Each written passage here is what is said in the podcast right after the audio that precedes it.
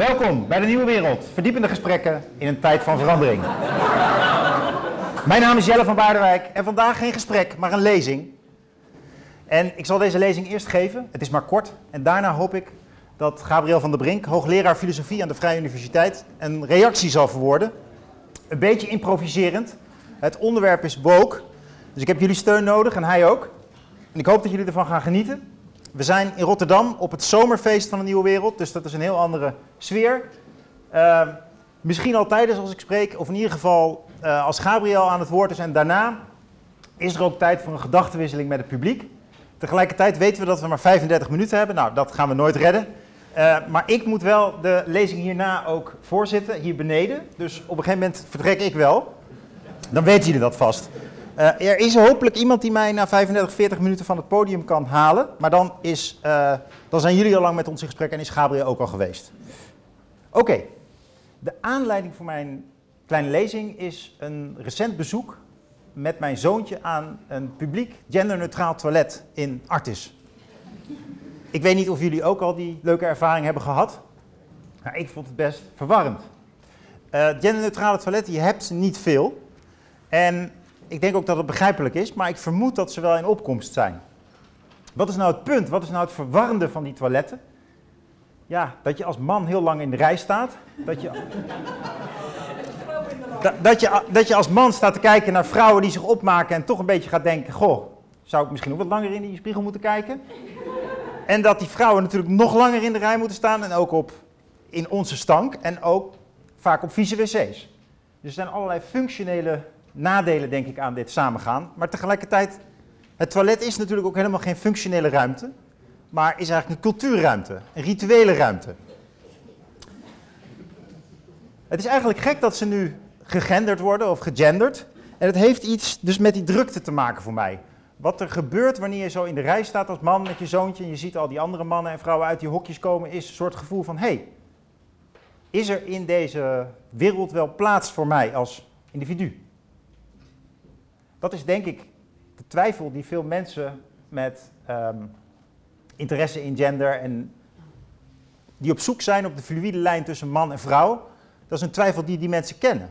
En die twijfel die werd nu opeens op mij gekiept. Dus eigenlijk wat mensen hebben die buiten de norm vallen, werd genormaliseerd. En zo werd ik dus onderdeel van een conflict, van twijfel, van een twijfelexperiment, dat ik normaal gesproken eigenlijk niet ken. Hoewel ik moet toegeven, toen ik zelf studeerde, heb ik ook wel eens gedacht van, goh, hoe zit het eigenlijk met mannen en vrouwen? Maar nooit zo ver dat ik dacht van, ben ik misschien een hen? Een queer of een non-binair of een trans? Maar die wokies hebben het maar mooi goed voor elkaar. Dat wij dus nu op de normale publieke toiletten bij Artis notabene deze twijfel toch krijgen. Dat is ook hun bedoeling. En ja, wat ik er fascinerend aan vind is dus dat het een kleine minderheid, want ik denk dat uiteindelijk 2% van de mensen echt blij is met deze genderneutrale toiletten. Een, een, een, kleine minderheid, er zijn er ook 10% enthousiastelingen en de groep van wokies is inmiddels ook wel wat groter dan dat, maar de meerderheid zal toch denken van nou ja, het zal wel met die toiletten, laat maar. En, en, een, kleine, en een kleine groep, maar nou ik denk 40% nog wel, die zal toch wel irritaties hebben. Laat ik mezelf tot die groep rekenen. En mijn kaarten liggen eigenlijk al op tafel, jullie kennen me. Wat ik nou fascinerend vind eraan is dat er een minderheid er kennelijk in slaagt om hun mores, hun opvattingen over de wereld op te leggen aan de meerderheid. En dat is heel knap in een cultuur. Zeker denk ik ook wel weer typisch westers, dat wij erin slagen om te luisteren naar minderheden en zeggen van jullie voelen je niet thuis in de hokjes en we gaan ons allemaal aanpassen. Dat is ook heel mooi, toch? Dat is, dat is ook een verdienste, denk ik, van juist het Westen, dat wij dus niet meegaan in alle tradities. Maar ja, de schoen wringt wel, vind ik, bij die genderneutrale toiletten. Dus daar, daar, gaat, daar gaat mijn lezing eigenlijk over.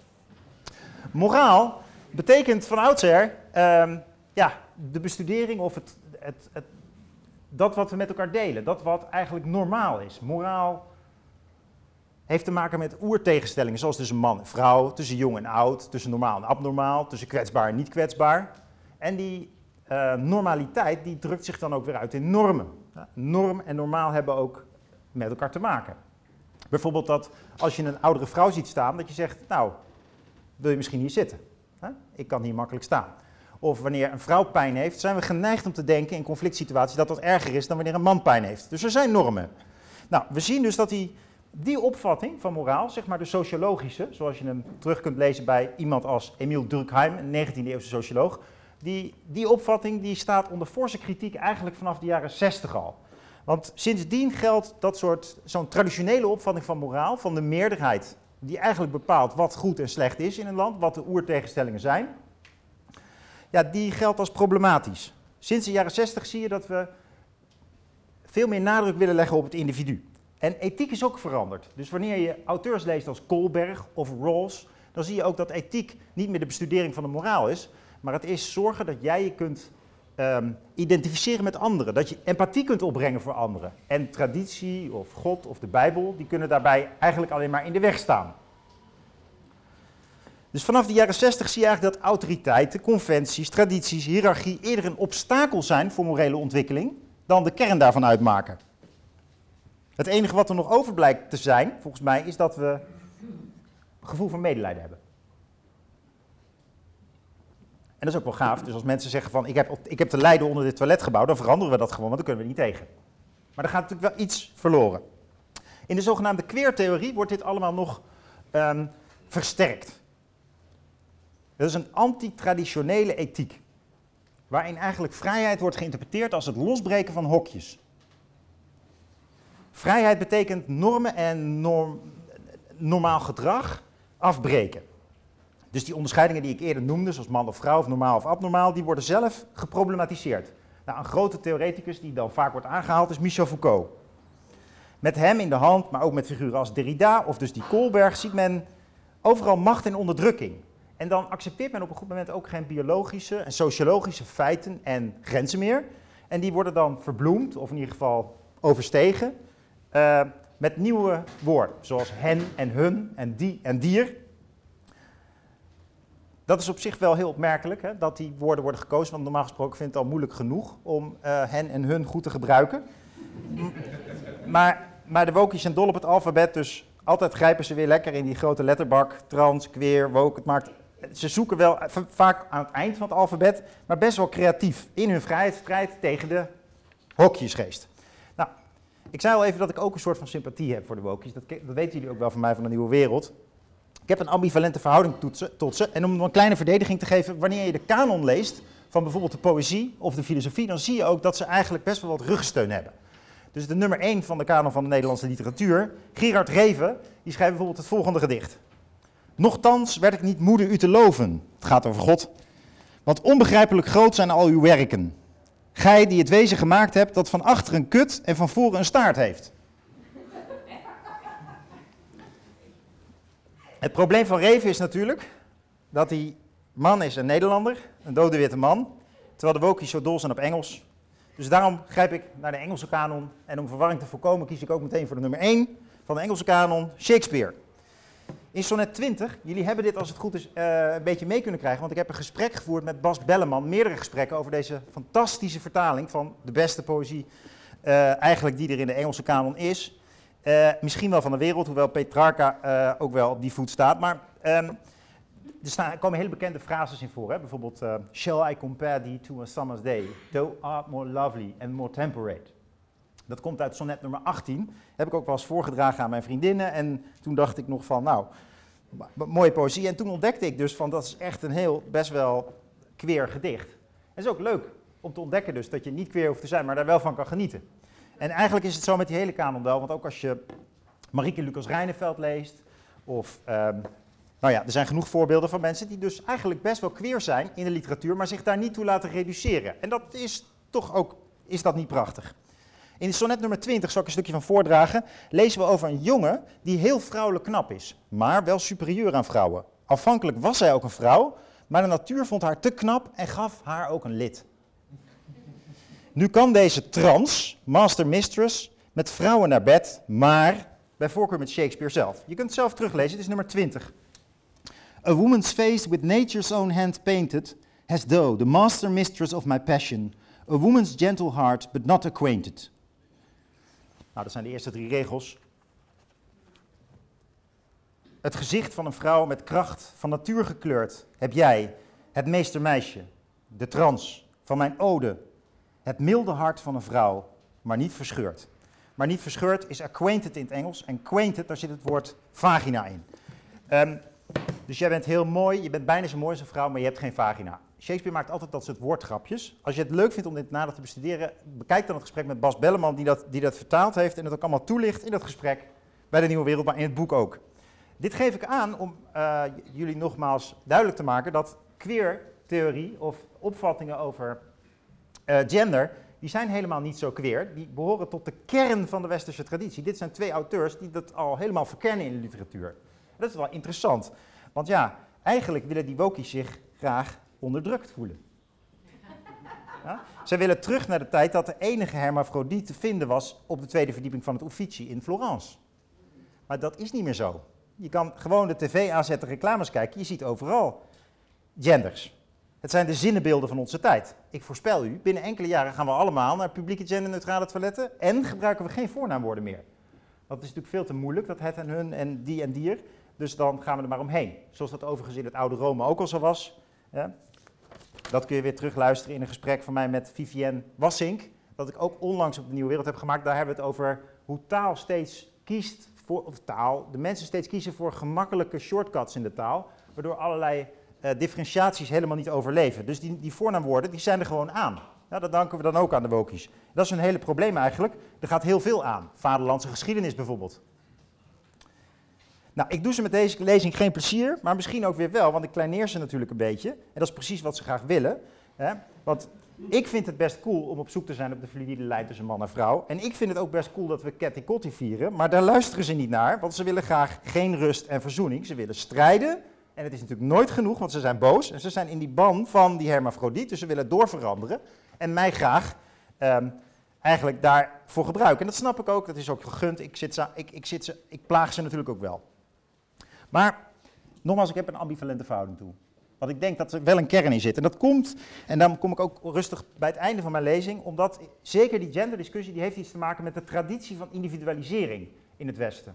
Als je het boek Der Untergang des Abendlandes leest van Oswald Spengler, of daar een introductie over uh, beluistert, bijvoorbeeld bij ons op de Nieuwe Wereld, dan, dan zul je ook ontdekken dat, dat hij uh, het Westen typeert als de cultuur waarin het individu in zichzelf strevend in de oneindige ruimte staat. Strevend, zijn eigen geslachtelijkheid overstijgend.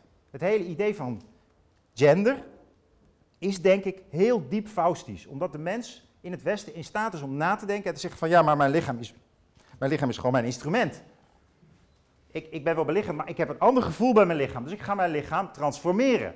En dat, Spengler beschrijft eigenlijk fabelachtig mooi hoe dat, dat, dat zou wel eens inderdaad onze oerervaring kunnen zijn. Misschien is die hele genderdiscussie dus een uitdrukking van individualisering eigenlijk. Zit het ten diepste al in onze cultuur daarin. En je ziet dat ook in de filosofie bijvoorbeeld. Hè? Dus bijvoorbeeld, uh, hoe meer je in je hoofd kunt filosoferen, hoe groter de kans dat je in de kanon komt. Cogito ergo sum. Het hele lijf wordt eigenlijk veronachtzaamd in de filosofie. In de literatuur een stuk minder, denk ik trouwens. Nou, wat erbij komt is dat uh, de moderne wokie, die zit natuurlijk lekker te surfen op internet, de hele dag op Insta, op, uh, op YouTube. En die krijgt al die beelden van, van uh, wat de geschiedenis van Nederland zou zijn, of wat, wat je eigen lichamelijkheid is, die, die, die slurpt die op, verinnerlijkt die. En dan krijg je natuurlijk ook een soort van ander gevoel over, ja, ik zou misschien ook wel vrouw kunnen zijn. En dus behalve die individualiseringstrend, die heel diep West-Europees is, denk ik dat er ook in de huidige cultuur, door, die, door, door de virtualisering, heel wat beelden worden opgepakt die jouw gevoelens van je eigen uh, lichaam veranderen. En daarom zien we denk ik dat er nu heel veel mensen in, in transitie willen gaan. Dat komt dus omdat het en een oerzinnenbeeld is, maar ook omdat je dus in, op het internet rondstruit en die beelden zo oppakt. Terwijl je ondertussen, omdat je op internet zit voor een deel en door bijvoorbeeld lockdowns, ook nooit meer op een dansvloer komt om af te tasten met een vrouw of een man hoe het eigenlijk voelt. En die wokies, ik, ik heb dus de, de lexicograaf van de Vandalen gesproken, dat hebben jullie ook gezien. Ton den Boon. En heb ik ook voorgelegd van jouw definitie van wokie, is die niet misschien wat naïef? Iemand die op zoek is naar rechtvaardigheid? Is het niet ook een activist? En is activisme niet anders, iets anders dan moraal? Kunnen we misschien zo meteen nog op ingaan. Maar die, die heb ik toen eigenlijk wel voorgehouden van, misschien zat je toch een beetje te dutten hè, toen je dat lemma woke schreef. Van, Dat is voor een rechtvaardige samenleving. in ieder geval leek hij daar wel, ja, ik vond ook wel dat hij misschien wat de, de, de, onmiddellijke betekenis ervan had opgeschreven. En misschien dat de eigenlijke betekenis ook veel meer die is van een, een wokie. Dat is niet iemand die wakker is, maar is eigenlijk een, een dromer. Iemand die in een zekere roes zit door dat internet, maar ook toch gevoed door de klassieke literatuur wel. Ook wel cool weer. En dat is natuurlijk de, de uh, gekke combinatie. Nou, um, Komrij, Gerrit Komrij, die heeft een boek geschreven getiteld Stront. En daarin zegt hij, zeg mij hoe u scheidt en ik vertel u wie u bent en wat u te verbergen heeft. nou, wij doen het op genderneutrale wc's. Nou, wat, wat zegt dat nou over wie we zijn? Nou, heel westers, heel individualistisch, heel rationeel, heel sentimenteel ook. En wat hebben we te verbergen? Nou ja, ik denk, we verbergen dat wij in ons hoofd leven en vergeten dat we een lichaam hebben. En gek genoeg zie je dat die wokies dat juist ook wel weer aansnijden. Dat is de ambivalentie van zo'n ehm, zoektocht op de fluïde lijn van man naar vrouw. Dat je juist met je lichaam bezig bent. En ik denk dat die 2% van de mensen die daar onder te lijden heeft, uh, dat, uh, daar, daar, wil ik niet al te veel kritiek op hebben, want ik denk dat dat bestaat. Er zijn ook allerlei uh, biologische en sociologische bewijzen voor dat een norm van 2% afwijking, dat het best verdedigbaar is. Maar waarom doet de rest daar mee? Dat is toch interessant? Dat komt dus denk ik ook doordat we dat op internet elkaar aanpraten. En dat verklaart ook mede het enorme succes van woke, in het algemeen. Dat het is een enorme grote groep die op internet rondstruint en die idealen verkondigt en mensen bekritiseert die ze bekritiseren. Want dat, dat vinden ze heel prettig, dat ze onderdrukt worden en kritiek voelen. Want dan kunnen ze vechten en zeggen, ja maar ja zie je wel, ik ben ook onderdrukt. Ik, ik heb die vrijheidsstrijd ook nodig. Dank jullie wel.